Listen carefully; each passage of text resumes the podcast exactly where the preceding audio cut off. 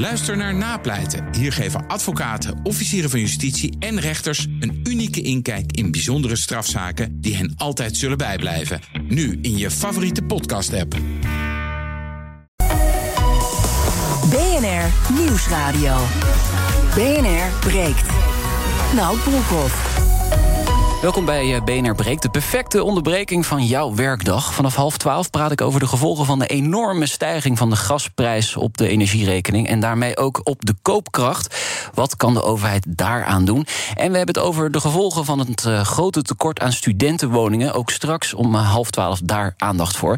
In mijn panel vandaag Pieter Lossi, adviseur bij de VO-raad. Welkom, leuk dat je er bent. Dankjewel. Tom Scheepstra is hier ook. Hij is voorzitter van de CDA, dat is de, de jongere tak van de CDA. Goedemorgen. Van het CDA moet ik natuurlijk zeggen. Welkom, leuk dat jullie er zijn. En we beginnen met... BNR breekt. Ja, breekijzer. Het breekijzer van vandaag. We moeten vaccinatietwijfelaars met rust laten. Waarom hebben we deze, dit breekijzer bedacht? Nou, het ministerie van Volksgezondheid begint een nieuwe campagne... om ongevaccineerden toch nog over de streep te trekken... om hun prik te komen te halen.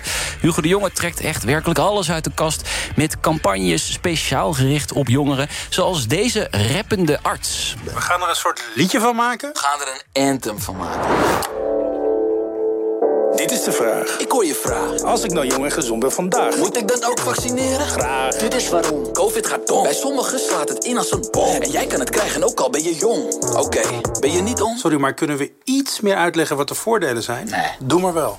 Ja, en dit is niet het enige dat de GGD probeert. Ook andere creatieve initiatieven proberen ze uit. Schrijft het AD vanochtend. Zo loopt er tijdens het uh, zogenoemde prikangstuur een hond rond om mensen rustig te maken. En er is ook voor degene die met angst voor naalden een virtual reality bril ter afleiding. Dan kun je toch geprikt worden en dan kijk je naar iets leuks. Maar heeft het nog zin en moeten we dat wel willen allemaal? Iedereen heeft nu toch zijn kans gehad om die prik te nemen. Moeten we niet gewoon accepteren dat we ons via uh, vaccinatieplafond dat we daar gewoon niet aan zitten op dit moment? En daarom is het breekijzer vandaag. We moeten vaccinatietwijfelaars met rust laten. Bel 020 468 4 en praat met mij mee. Want ook praat mee Erik van Gorp, welkom. Internist, eh, infectioloog aan het uh, Erasmus Medisch Centrum. Zijn aandachtsgebieden zijn onder andere infectieziekten en uh, virologie. Welkom. Dankjewel. Uh, wat, wat vind jij van het breekijzer? Uh, nou, mooie stelling om het, zo, uh, ja. om het zo te poneren. De vraag is natuurlijk of ik daarmee eens ben uh, of niet. ik denk deels. Ik denk dat um, enerzijds het is een individuele beslissing. een beslissing die mensen vrijwillig moeten nemen. dus dat is belangrijk. Tegelijk is het ook belangrijk dat we mensen continu ook van informatie blijven voorzien. Via verschillende kanalen ook. dat is overheid, RIVM, maar ook andere kanalen.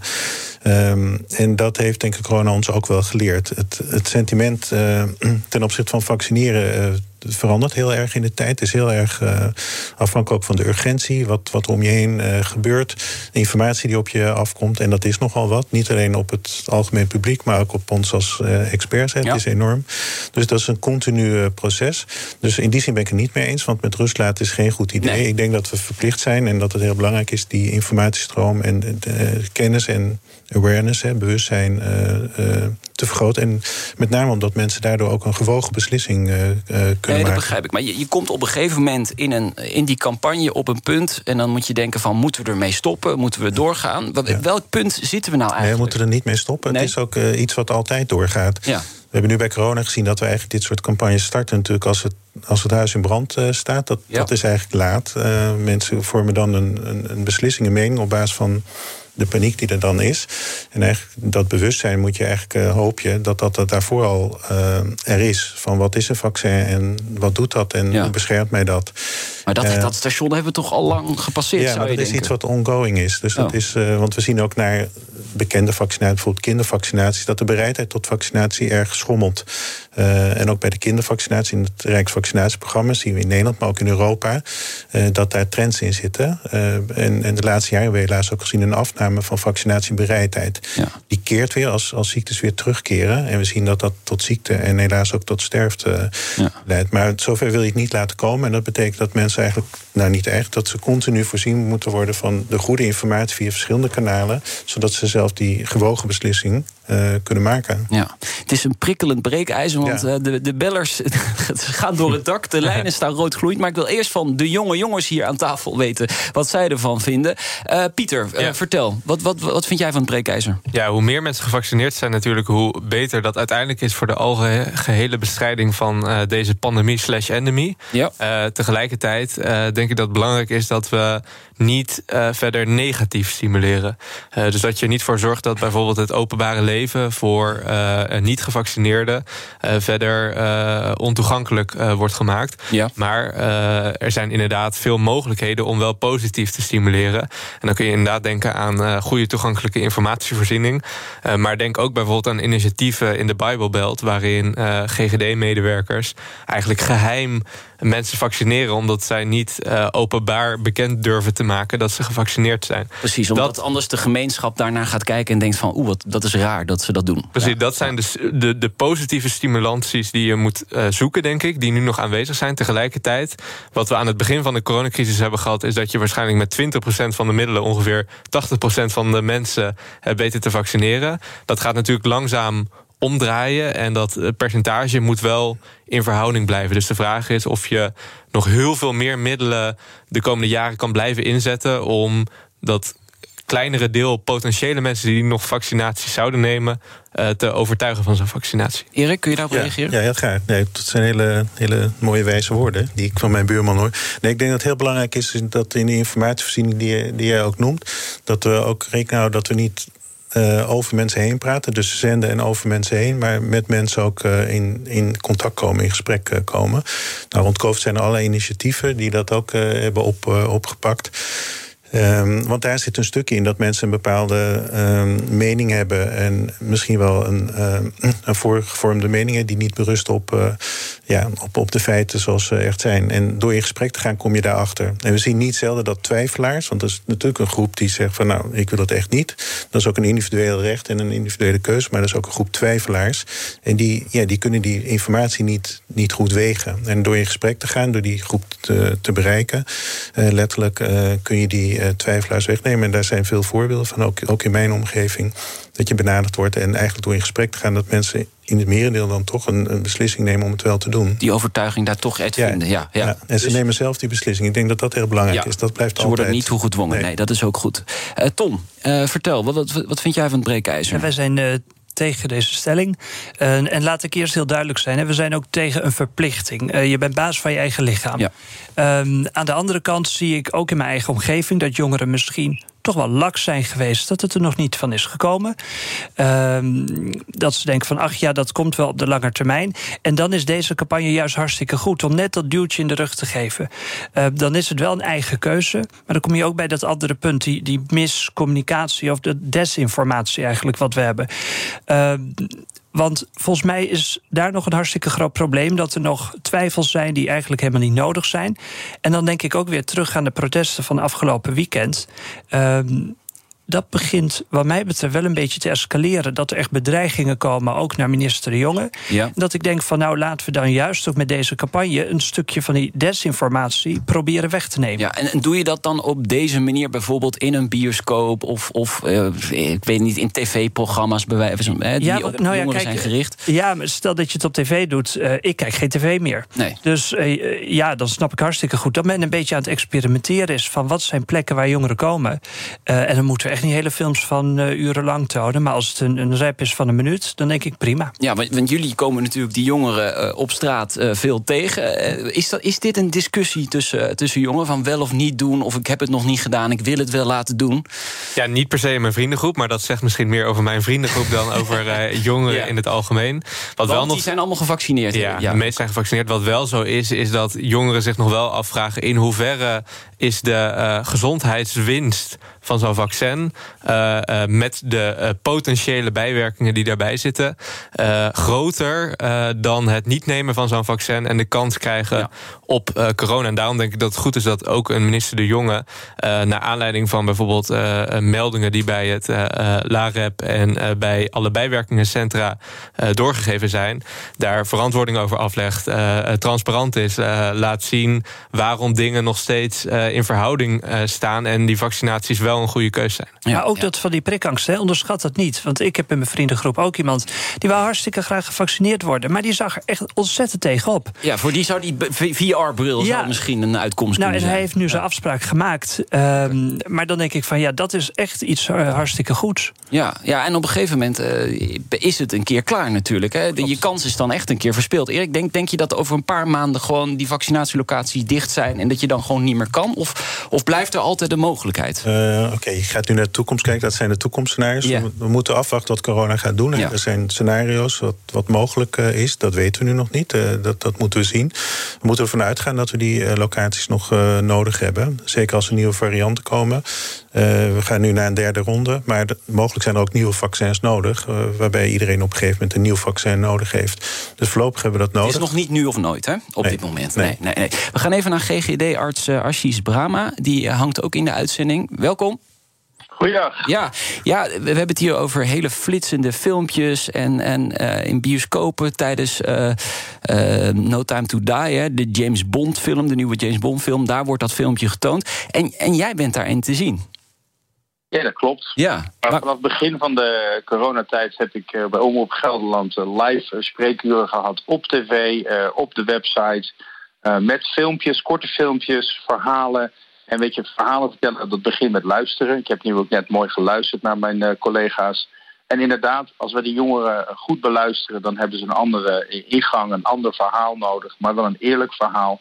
En wat ik ook heel hoor, mooi hoor, is dat je een keus moet kunnen maken. Het is geen verplichting, het is aanzetten tot denken. En ik denk dat deze methodiek met rap en uh, vlot filmpjes uh, wellicht uh, meer aansluit dan op de andere manier dat het gebeurd is. Ja, en is jouw achtergrond als arts dan belangrijk? Want dat, dat, ik kan me voorstellen dat dat mensen misschien nog juist kan overtuigen. Ik denk dat uh, iedereen een steentje bij kan dragen aan het debat. En ja. dat het vooral zuiver houden en niet gaan polariseren. Als mensen ervoor kiezen om niet te willen vaccineren, dan is dat een keuze die ik respecteer. Ik ben arts, ik ben er om mensen in te lichten, voor te lichten met goede wetenschappelijk onderbouwde adviezen. En dan mogen mensen zelf een eigen keuze maken. En dan sta ik er altijd achter wat de keuze ook is. Nee, precies. Dus ja, het helpt dat je arts bent. Tuurlijk ja, helpt dat. Maar dat wil niet zeggen dat je ook meteen flitsend op het beeld bent. Ik, ik vond het eigenlijk wel een leuk filmpje wat je, wat je hebt gemaakt. Dus uh, de, misschien zit er ook wel een carrière buiten uh, de, de gezondheidszorg voor je in. Ja, dank je. Dank ja, je. ze zoeken nog een nieuwe James Bond, zegt mijn regisseur. Dus wie weet uh, is er nog een carrière te maken in de toekomst. We zullen het, we zullen het zien. Maar, nee, maar, maar heb, je getwijfeld, heb je getwijfeld om dit te doen op die manier? Nee, absoluut niet. Om, okay. uh, het gaat erom dat die boodschap oprecht is. Het gaat erom dat, dat je probeert jongeren te bereiken. En we kunnen het op allerlei manieren proberen. Ik denk dat dit een goede poging is. En, en, een goed duidelijk verhaal. En, en, een mooi verhaal om te zien. En nogmaals, het gaat om de inhoud uiteindelijk. En hoe eromheen verpakt. Dit slaat in als een bom. En, en dat is dan goed om te zien. Ik, uh, ik heb gezien dat het geëxplodeerd is op uh, Twitter uh, en op LinkedIn en noem het maar op. En ook de jongere kanalen, Snapchat en ook Insta en noem het maar op. Ga maar door. Ja. Um, en ik ben benieuwd wat er gebeurt in de cinema. En ik hoop dat het een discussie aanzwengelt. Hè. We, dit is iets Dat waar we met z'n allen over nadenken. Het gaat om de ander en het gaat om jezelf. Voor mij als publieke gezondheidsdokter om die volgorde. Eerst de ander, dan jezelf. Nee, maar ik denk dat dat zeker gelukt is. Uh, de discussie wordt natuurlijk ook hier gevoerd. Dus dat, dat is goed. En uh, erg fijn dat je even tijd had om uh, bij ons je verhaal te doen. Dank je. Oké, okay, top. BNR breekt. Nou, Broekhoff. Ja, en het uh, breekijzer van vandaag is... we moeten vaccinatietwijfelaars met rust laten.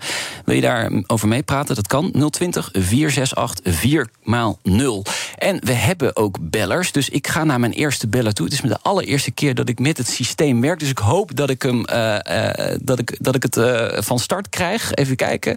Ik probeer Jan in de uitzending te krijgen... maar dat lukt nog niet. Nee, ik, uh, ik moet even kijken hoe het systeem. Jan? Ja. Ja, ja. dag Jan. Ja, goed. Het is gelukt. Uh, het breekijzer. We moeten vaccinatietwijfelaars met rust laten. Reageer.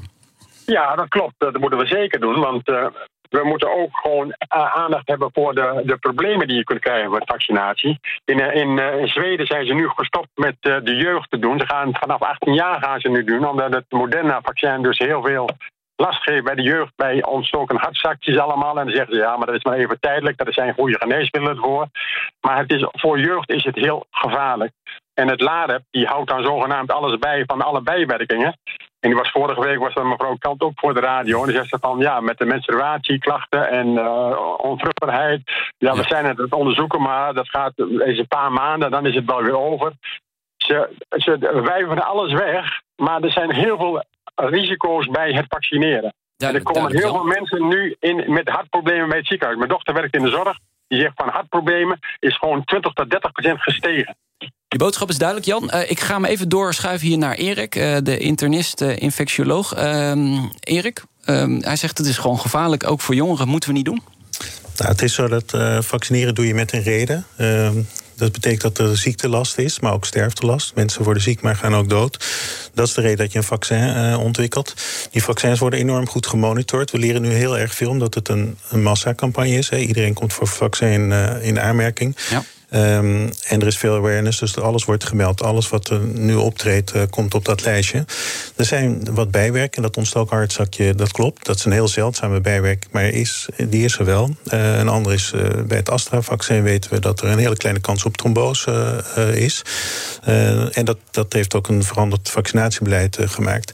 Dat betekent niet dat die vaccins dan ehm, uh, niet meer toepasbaar zijn. Ze hebben, de winst is, is enorm. Uh, En je gaat, meer, je gaat ook meer gericht kijken welke vaccins zijn het meest veilig. Dus dat kan veranderen in het vaccinatiebeleid.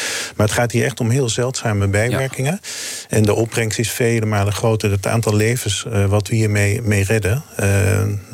maar ook ziektedagen en, en mensen die langdurig COVID. dat, ja, ja, dus Dat, ja. Even naar Tom en Pieter. Horen jullie dit ook in jullie, in jullie kring? Van, ik, ik ben ook een beetje bevreesd voor wat er dan met mij gebeurt als ik gevaccineerd ben?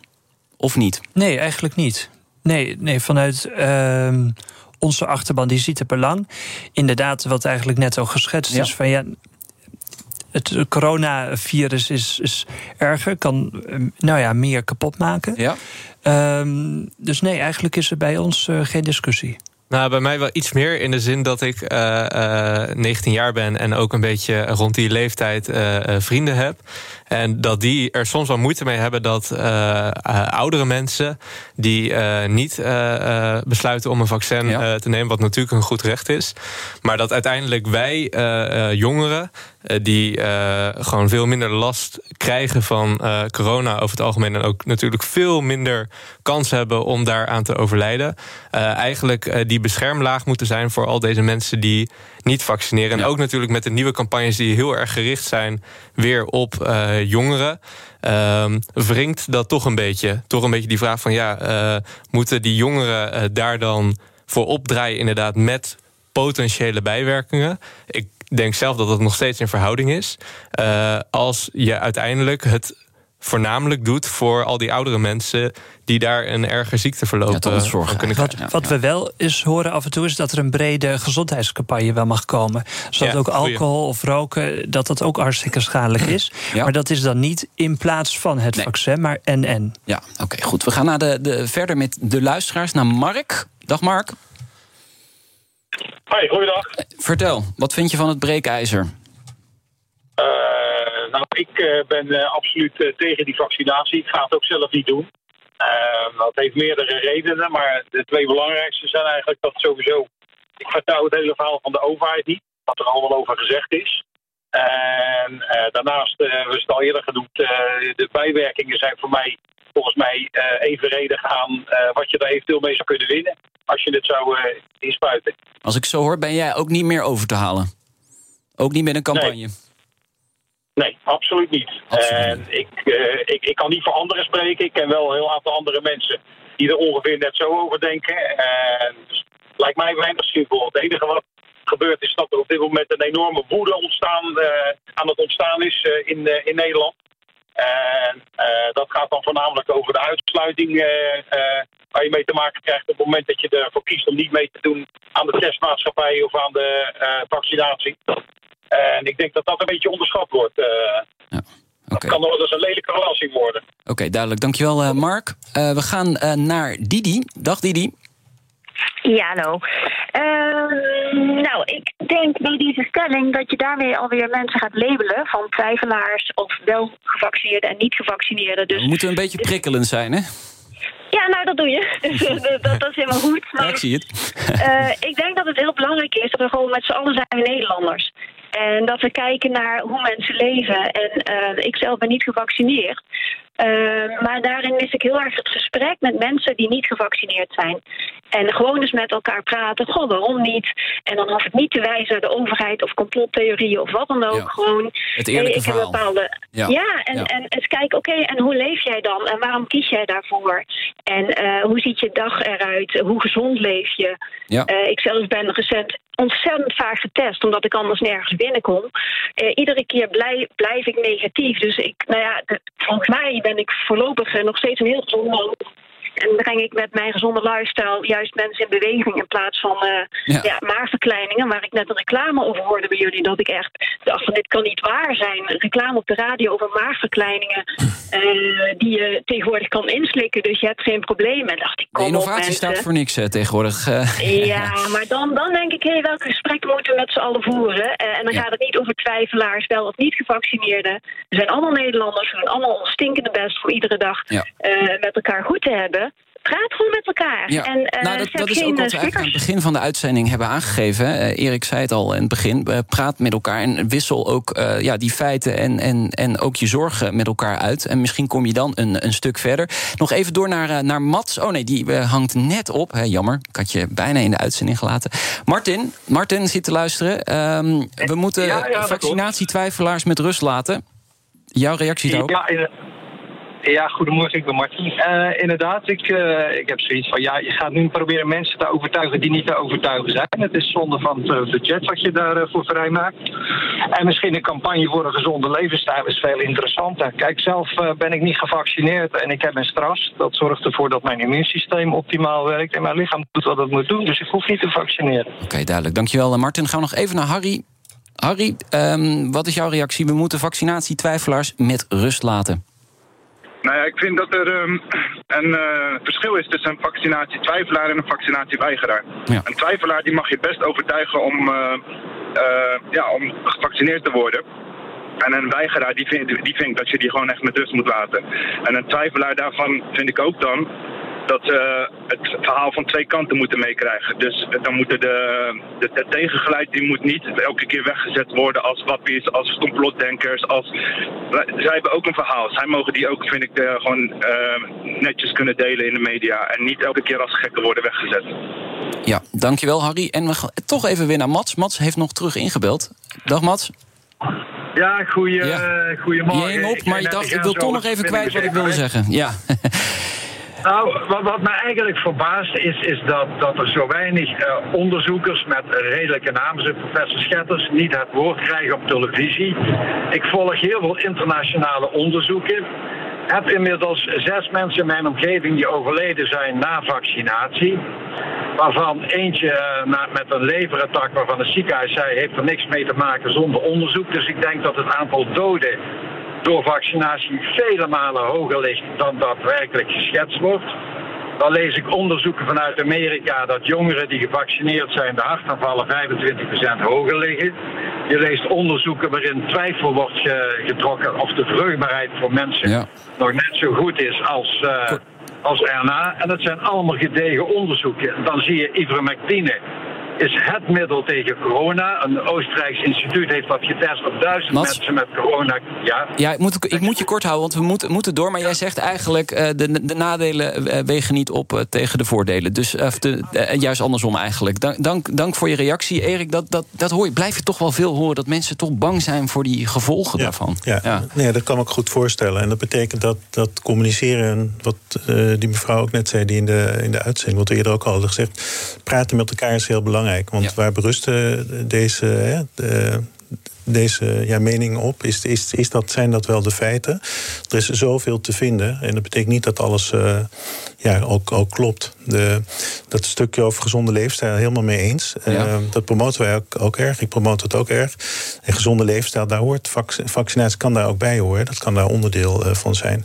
Ik weet niet of we nog tijd hebben. Anders zou ik nog één dingetje willen zeg zeggen. Nog één ding. Wat belangrijk is, is denk ik dat er drie redenen kunnen zijn dat je vaccineert. Natuurlijk is er een individueel belang, dan bescherm je jezelf. Nou, dat is prima, dat is een, en dan kun je ook ja of nee zeggen. Er is natuurlijk een maatschappelijk belang kan er zijn. Dat hebben we in de, in de piek van de pandemie gezien. Hè. Het, het land was te klein, in de ziekenhuizen zeker. Ja. Um, en we kennen nog een andere vorm, dat, dat noemen we met een mooi woord altruïsme. En dat zijn bijvoorbeeld moeders die een kindhoeftvast nemen om hun kind te beschermen, maar ook gezondheidswerkers. Dus wij als gezondheidswerker moeten een hepatitis B-vaccin hebben, anders mogen we niet in de gezondheidszorg werken. We kunnen zeggen, nou, ik kan ook zeggen dat wil ik niet, of dat had ik kunnen zeggen, maar dan had ik niet in het ziekenhuis kunnen werken. Dus dat noemen we altruïsme. Maar dat betekent dat er verschillende redenen zijn en ook afhankelijk van de ziekte en de impact en de maatschappelijke impact, die maken hoe urgent het is om, om ja, zo'n vaccincampagne ook een succes te laten zijn en een voldoende hoge vaccinatiegraad te bereiken. En we gaan zien of de nieuwe campagne, dus het omgooien van die campagne, of dat, uh, of dat effect heeft. Dat, uh, dat weten we pas op wat langere termijn. Dankjewel, Erik van Gorp. Hij is internist, infectioloog aan het Erasmus Medisch Centrum. En zijn aandachtsgebieden zijn onder andere infectieziekten en uh, virologie. En zo dadelijk praat ik gewoon uh, door met uh, Pieter Lossi en Tom Scheepstra. En dan gaan we het over hele andere onderwerpen hebben, zoals het woningtekort bij studenten. En over die prijs van de gas. Jongens, de energierekening gaat nog verder omhoog. We moeten de beurs trekken. Tot zo. Ook Bas van Werven vind je in de BNR-app. Ja, je kunt live naar mij en Iwan luisteren tijdens de ochtendspits. Je krijgt een melding van Breaking News. En niet alleen onze podcast Ochtendnieuws, maar alle BNR-podcasts vind je in de app. Download nu de gratis BNR-app en blijf scherp. BNR Nieuwsradio. BNR breekt. Nout Broekhoff. Welkom terug. Uh, Pieter Lossi is hier. Hij is van de VO-raad en uh, hij zit vandaag in mijn panel. Net als Tom Scheepstra. Hij is uh, voorzitter van de Jonge Democraat. Of nee, nee, de Jonge oh, CDA. Ja, oh, oh, ja, dat is een andere. Oei. Oh, dat ging al bijna. Nee, nee, nee. We hadden het net even over D66. Ja. Maar nee, oké, okay, goed. De koopkracht van de Nederlands, van Nederlanders komt in gevaar... nu de gasprijs door het dak gaat. Het Nibud en de Rabobank vinden dat het kabinet nu echt actie moet nemen. Als zij dat niet doen, kan de gasrekening nog tot 900 100 euro duurder worden. Jongens, um, hebben jullie een spaarrekening? Uh, wordt er een beetje gespaard om later de energierekening te kunnen betalen of niet? Nou, eerder een koopwoning. Dat is, uh, dat is nog belangrijker. Waar ik uh, ja. geld voor opzij leg. Maar ja. sparen voor mijn gasrekening, dat is wel een zorg voor later. Nee, en jongeren houden al weinig over. Hè? Ook ja. die basisbeurs is geschrapt. Dus als dan de energierekening ook nog omhoog gaat, we komen in de knel. Ja, ja. Pieter, jij woont nog niet op jezelf? Ik woon nog niet op mezelf. Ik woon nog in het oude huis, zoals ze dat noemen. Ja, dus jij hebt hier in principe niks mee te maken. Uh, Tom? Uh, ja, ik woon op mezelf. Ja. Uh, maar nou ja, iets, iets minder mee te maken. Ja, maar dit is wel ernstig hè, wat dit ja. wordt. Uh, ja. Juist wat ik net ook zei voor jongeren. Uh, ze houden al heel weinig over. Die basisbeurs is weggegaan. Daar zijn we ook weer voor dat die terug moet komen. Huren, die stijgt maar en stijgt maar. Ja, als dan ook nog eens de energierekening omhoog gaat, dat kan niet. Dus de overheid moet wat ons betreft ook ingrijpen. Zoals ja, in CDA, hè? Ja, dat, uh, ja hoor, onze CDA. Ja. Ja, ja, dus, maar wat moet er dan gebeuren? Nou ja, wat we in Frankrijk hebben gezien is dat daar de regering eigenlijk een hele grote maatregel heeft gedaan. Namelijk een maximumtarief. En um, dat anders de regering dus bijspreekt. Dus een soort van coronasteun, maar dan um, ja, op energie. Ja. Dus dat is eens, zodat um, ja, inwoners die. Of, ja, dat, ja, die het niet kunnen missen. Ja. Um, nou ja, dat daar in ieder geval de rekening ja, niet van omhoog gaat. Ten tweede is, we moeten dit probleem oplossen. Want we weten niet of dit 1, 2 of misschien wel 10 jaar blijft, die energieschaarste. Dus uh, kijk ook realistisch naar misschien wel een tweede kerncentrale. En sowieso de kerncentrales in Duitsland sluit die nog niet. Want we kunnen het nog niet missen. Nee. En dat is een impopulaire maatregel, maar het is op korte termijn wel nodig. Ja, of, of ik breng het hier ook maar weer even uh, voor. We moeten zelf uh, weer gas gaan, gaan opboren. Ja, wat dacht, wat dacht je van uh, voorkomen dat je gas uit de grond moet halen door bijvoorbeeld veel beter te gaan isoleren? Dat is natuurlijk ook een maatregel dat ook natuurlijk in lijn ligt met het klimaatakkoord. Ja. Wat ik ook interessant vind aan deze discussie is dat Cora van Nieuwenhuis natuurlijk een maand geleden onder andere lobbyist geworden is van Gazprom en inmiddels de prijzen van gas ongeveer 20% zijn gestegen. dus of ze weet Zal maximaal. niet één op één uh, met elkaar Nou, te maken hebben. Of ze weet uh, de winst maximaal uh, te vergroten. Of haar salaris is nu langzaam aan het doorberekenen in al die gasprijzen. Maar wat uiteindelijk nodig is, is dat je um, ervoor zorgt dat natuurlijk mensen met een kleinere beurs dit kunnen blijven betalen. Ja. Maar dat je ook niet als overheid al deze materiële consumptie uh, veelal natuurlijk als basisvoorziening, maar uh, blijft subsidiëren. Zeker als je weet dat dit een eindige grondstof is. Ja. Dus wat je voor mij juist moet willen, is dat je ook deze transitie inzet om ervoor te zorgen dat al die materiële eindige grondstoffen uiteindelijk op termijn duurder worden. Uh, uh, zodat het minder aantrekkelijk wordt om daar veel van te gebruiken. En dan moet je met name ook denken aan al het uh, groot kapitaal en grote bedrijven. die nu voor een echt een spotgoedkope prijs veel gas kunnen opnemen. Ja. En dat je uiteindelijk zorgt dat. Um, uh, salaris en geld uit uh, werk, uh, dat dat veel aantrekkelijker wordt. Om uiteindelijk daarmee ook die duurzame transitie te kunnen maken. Ja, goed, maar dat, maar dat gaat nog wel even duren. Hè? Dit, dit, dit, dit heb je niet in 1, 2, 3. Het is nu een probleem. Ja, Moeten dat we is niet nu gewoon een pro aan, de, aan de belastingen gaan, gaan sleutelen? Moet die energiebelasting niet gewoon verder omlaag? Ja, ik denk dat dat dus geen goed idee is. Omdat je juist uh, wil dat uh, een deel van die opbrengsten uit die energiebelasting ook toegaat naar die enorme energietransitie ja. uh, die we hebben. Op het moment dat je niet dat geld ophaalt uit bijvoorbeeld gas en benzineprijzen, dan zul je het ergens anders vandaan moeten halen. terwijl volgens mij dit in die zin deze belastingen een goede stimulans zijn om te zeggen: hè, alle eindige grondstoffen die maken we minder aantrekkelijk. En dat geld dat pompen we juist in nieuwe energiebronnen. Ja. Ja, daar ben ik het niet mee eens. Ik denk echt dat we korte termijn en lange termijn nu moeten scheiden. En op korte termijn um, stijgen die gasprijzen. En als we dan ook nog die bedrijven extra gaan belasten, dan gaat die rekening nog meer omhoog voor de burger. En dat moeten we echt voorkomen. Dus hoe vervelend het misschien ook is, we hebben die bedrijven en we hebben olie en gas op dit moment nodig. Aan de andere kant helemaal eens dat we moeten gaan verduurzamen en daar fors op moeten inzetten. Um, en dan werd ook gezegd van ja, moeten we dan weer gaan boren in Groningen? Nou, ik denk dat dat funest is. Ja? Want ja. uh, we zien al dat het veel te lang, echt jarenlang duurt voordat daar een goede schaderegeling komt. Als daar uh, nu was weer. Vanochtend nog in het nieuws, hè? Ja. ja, en als er nu weer geboord gaat worden. Want gisteren was volgens mij ook weer een aardbeving geweest in Groningen. Ja. Dan zal dat alleen nog maar stijgen. En dan gaat het draagvlak voor nou, ook de hele groene energiepolitiek uh, nog meer omlaag. Dus dan denk ik van kijk naar wat veilige mogelijkheden, zoals toch die kernenergie, zoals misschien ook een aantal kolencentrales uh, openhouden, um, om deze periode te overbruggen. Nee, volledig mee eens. Uh, uh, dus uh, voor alle mensen, nogmaals, met een kleine beurs... meer dan logisch dat je daarvan zegt... die basisvoorzieningen zijn essentieel. Dus we helpen als overheid. Het is natuurlijk ook zo dat na die algemene politieke beschouwingen... er een flink bedrag is vrijgemaakt... voor het verlagen van die energierekening. dat betekent niet dat je als overheid... uit de collectieve middelen die we samen afdragen... maar deze eindige grondstoffen die niet goed zijn voor deze planeet uh, kan blijven uh, subsidiëren. Omdat iedereen daar nu zo afhankelijk van is. Maar dat je juist dit ook zou moeten gebruiken om sneller die transitie in te zetten. Maar hier is nog een verschil. Want waar wij voor zijn is groene industriepolitiek. En dat betekent niet direct heffingen of met subsidies gaan werken. Maar. Hand in hand eigenlijk met bedrijven en met de samenleving, dus die drie pijlers, um, afspraken gaan maken op lange termijn en om bedrijven daaraan te binden. Uh, en ik denk dat dat um, nou, beter werkt, dus met bindende afspraken, dan um, gelijk met heffingen of met subsidies gaan werken.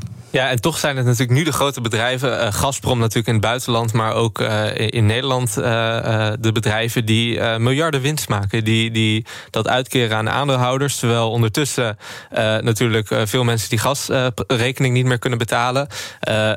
de winsten stijgen ook omdat deze gasprijs steeds duurder wordt.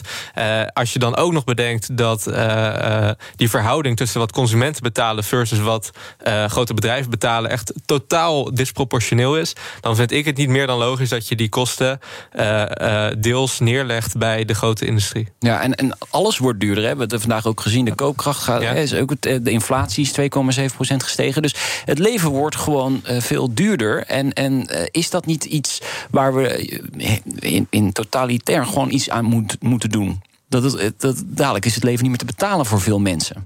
Ja, dat is, dat is de vraag. Enerzijds wel. Je wil natuurlijk dat mensen kunnen blijven rondkomen. Anderzijds, als je. Eh, misschien een soortgelijke uh, discussie is uh, voedsel. Als je kijkt naar zo'n 20 jaar geleden, dan waren veel huishoudens een veel groter deel van hun, ehm, hun inkomen maandelijks kwijt aan voedsel. Dat is echt de afgelopen 20 jaar ontzettend gedaald qua percentage.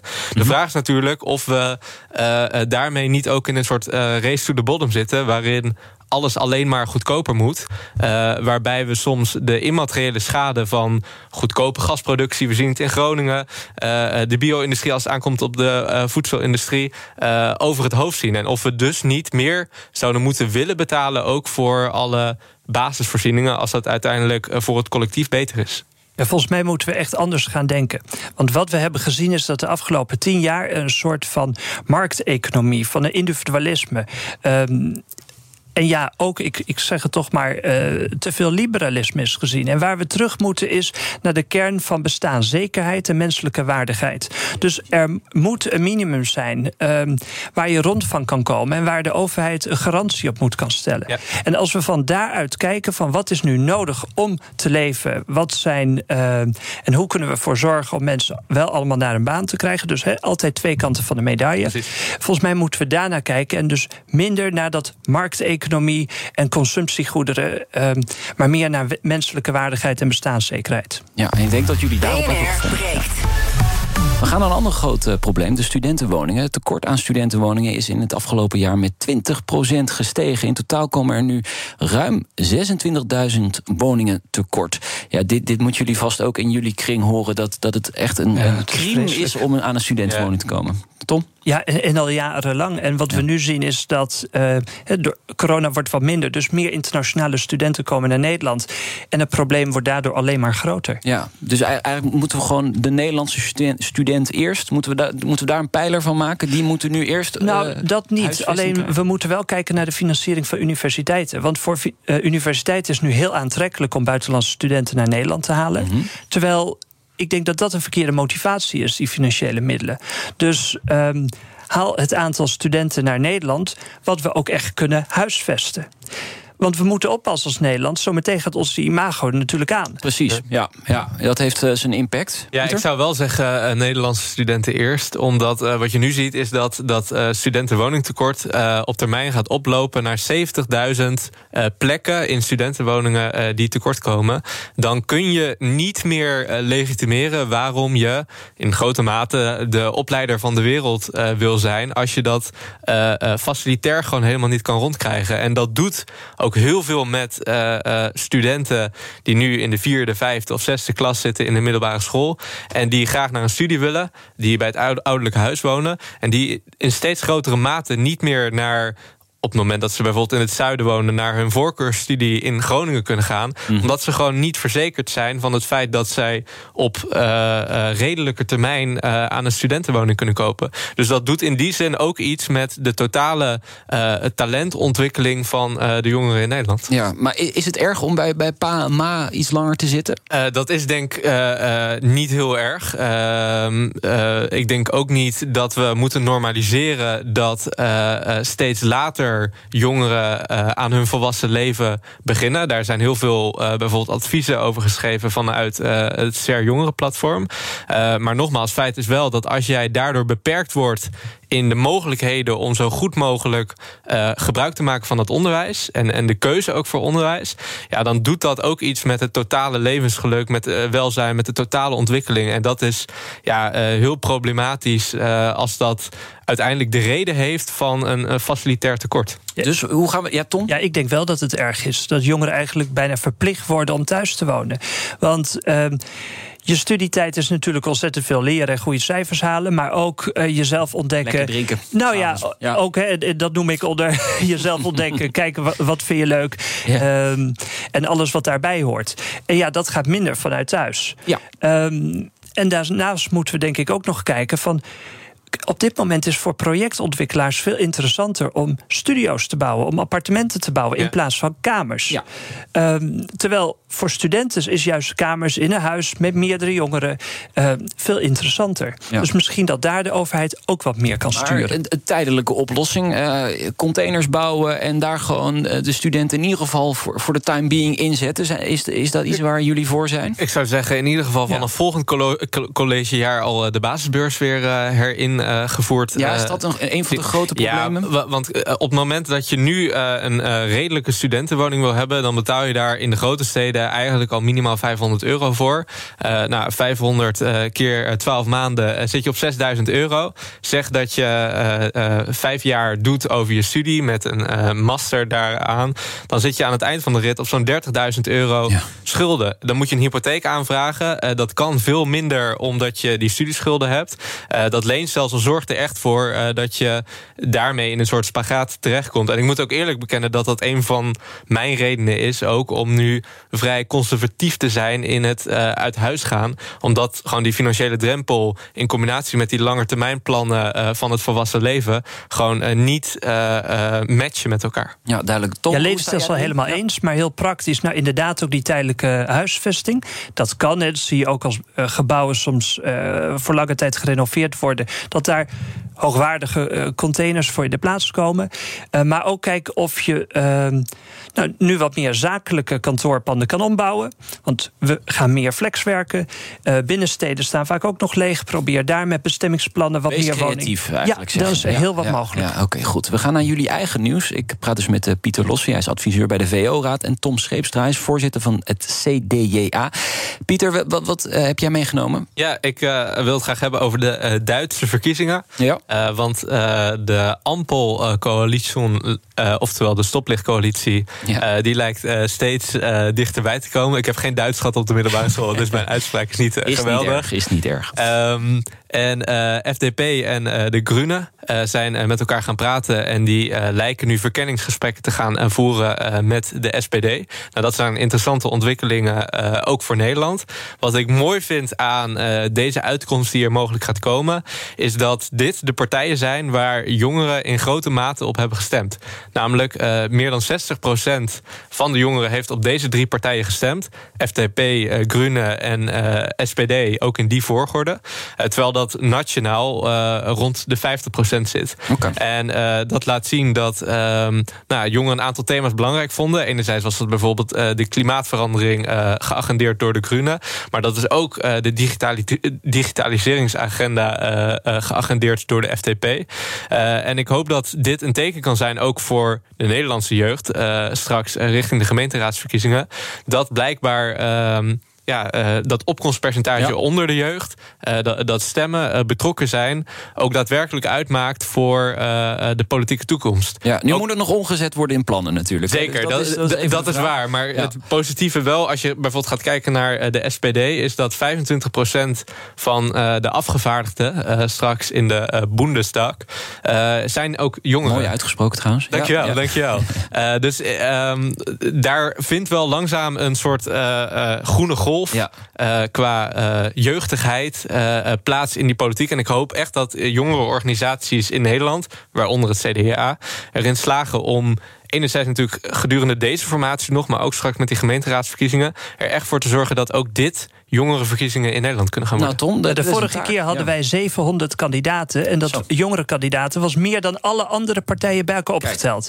Dus CDA is ook echt een jongere partij. Ja, en ik wil ook meteen door met jouw nieuws, want dat vond ik ook interessant. Het gaat over het, eh, het experimenteren met stembiljetten. Ja, dat is nu zo'n ontzettend lang papier. En daar wil Ollegren eigenlijk verandering in brengen. En Ja, nu een heeft ze- badhanddoek noem- noemen ze Ja, het nu heeft ze twee opties. Ja. Ehm, ene, dat is eigenlijk, je bent in dat stemhokje... en je ja, hebt 19 verschillende papieren voor één papier per partij. Nou, dan denk ik van, dit is toch niet handig... want hoe moet dat in dat stemhokje? Ehm, en ook van, ja, hoe gaat het dan? Want dan zie je dus dat er een bakje leger is dan een ander bakje. Ja, dat eh, suggereert toch van alles. Dus Het is een beetje zoals de ansichtkaart, hè? Of bij een hotel dat Ja. je een paar van die dingetjes kunt meegrappen bij, bij Ja, met, eh, nou, alsnog was het een heel papier. ja. Dus dan denk ik van, nou, optie 1 lijkt mij niet zo handig. Optie 2 was. Bovenkant van het vel had je dus al die partijen. Dan moet je één bolletje rood maken. Onderkant moet je ook een bolletje, namelijk de nummer 1 tot en met 50. Dus een persoon. Ja, ik zie het dan al gebeuren dat mensen maar één bolletje eh, of twee of, twee, of drie of denken van. Hè? Dus ook dat is. En dan denk ik van kom op. Waarom gaan we niet iets meer tijd nemen en investeren in digitaal nou. stemmen? Daar moet toch met software van alles mogelijk zijn. Dat is niet veilig, waarschijnlijk. Nee, en, en, kunnen we daar dan niet meer energie in steken dat we dat wel veilig maken? Want in Estland doen ze het al bijna tien jaar. Ja. Dus uh, daar een keer gaan kijken. Hoe ja, en, en ga dan niet met die, die papieren weer opnieuw bekijken. Want ja, lijkt mij niet logisch, hè, die twee voorbeelden. Dus als je het dan doet, ga het dan een keer goed doen. Is niet vooral het probleem dat we veel te veel partijen hebben? Dat we, we moeten, we moeten oh, helemaal eens. Ja, we hebben er veel te veel. uitrekken. Het was echt, uh, nou... Maar dat is juist het mooie van deze democratie, toch? Ja, dat absoluut. ieder wat wil. Maar het past er niet meer op. Nou ja, dan moeten we dat maar aanpassen. En dan lijkt het me niet logisch om democratische standaarden daarvoor aan te passen. Ik zou trouwens zeker niet willen gaan digitaliseren uh, onder het motto dat uh, we natuurlijk ook met Facebook hebben gezien dat digitale infrastructuur, ook een, een AIVD en andere instituties waarschuwen daarvoor, steeds meer een bron kunnen zijn voor terroristen, voor uh, mm -hmm. buitenlands gevaar. daar eerst wel in investeren. Ja, maar, maar iets ontwikkeld. Ja. ja, op zich mee eens. En natuurlijk hebben we heel veel voldoende experts die daar iets mee kunnen. Uh, maar we hebben al vaak genoeg gezien in het verleden dat echt essentiële infrastructuur, uh, die uh, digitaal verbonden is, toch altijd uh, iets van kwetsbaarheid met zich meedragen. En als je dan hebt over ehm, de voordelen van digitaal stemmen in combinatie met het grote potentiële nadeel dat eraan zou kunnen zitten, zou ik niet weten waarom je die overstap zou willen maken. Tom, nog even één reactie. Nu ga ik helemaal afwijken, maar daarom zijn wij ook voor 2%-norm. Om juist meer ook die digitale veiligheid, of de 2%-norm van de NAVO, hè, ja. om juist ook meer naar defensie en dus de inlichtingendiensten. Uh, om juist hier meer in te investeren. Want inderdaad, hier heeft Nederland nog heel veel te winnen. Ja, maar digitaal stemmen, dat is echt voor over 10, 15 jaar. Maar dit experiment, jongens, gaat dat wat worden? Nee, absoluut nee. niet. Nee, nee, dat wordt niks. Nee, nee, het is ook een nadeel van de kleine partijen. Ja. Die zijn helemaal achter op zo'n ja, blad of onduidelijk. Caroline van der Plas was gelijk, uh, die, die wilde, die ja, wilde maar, niet. Nee, maar ook, ja, ik, ik weet niet of dit iets D66 ja. is. Aan de andere kant, je moet uh, toch proberen te innoveren ergens. Dus je moet ergens wel een stap gaan zetten. Het, het, het werkt, ja het is een groot formulier. Maar als dat uh, uh, met zo'n innovatie betekent dat uh, kiezers minder goed geïnformeerd zijn, er meer ongeldige stemmen komen, ja, dan snap ik niet waarom we deze stap zouden willen maken. Goed, dat waren de laatste woorden van Pieter Lossi. Hij is adviseur van de VO-raad. En ook Tom Seepstra, die was hier voorzitter van het CDJA. Dus niet van de jonge democraten, CDJA. Morgen BNR breekt. Is, dan zijn we er weer. Tot die tijd volg ons gewoon op YouTube en alle socials. Twitter, BNR, Instagram, BNR Nieuwsradio. En natuurlijk op bnr.nl. Zo, BNR Zaken doen. En uh, daar is te gast Pieter Elbers, de topman van KLM. Interessant. Blijf luisteren dus. BNR Headlines. De hele dag binnen- en buitenlandse politiek. In Nederland hebben we geen munitiefabrieken. De hele dag economie. Vijf dagen in de week bezorgen, dat kan niet uit. De hele dag technologie. Amerikanen weer op de maan. Heb je eigenlijk geen tijd, maar wil je toch op de hoogte blijven? BNR Headlines. Het laatste nieuws, maar dan in het kort. Ga naar je podcast-app en abonneer je op BNR Headlines.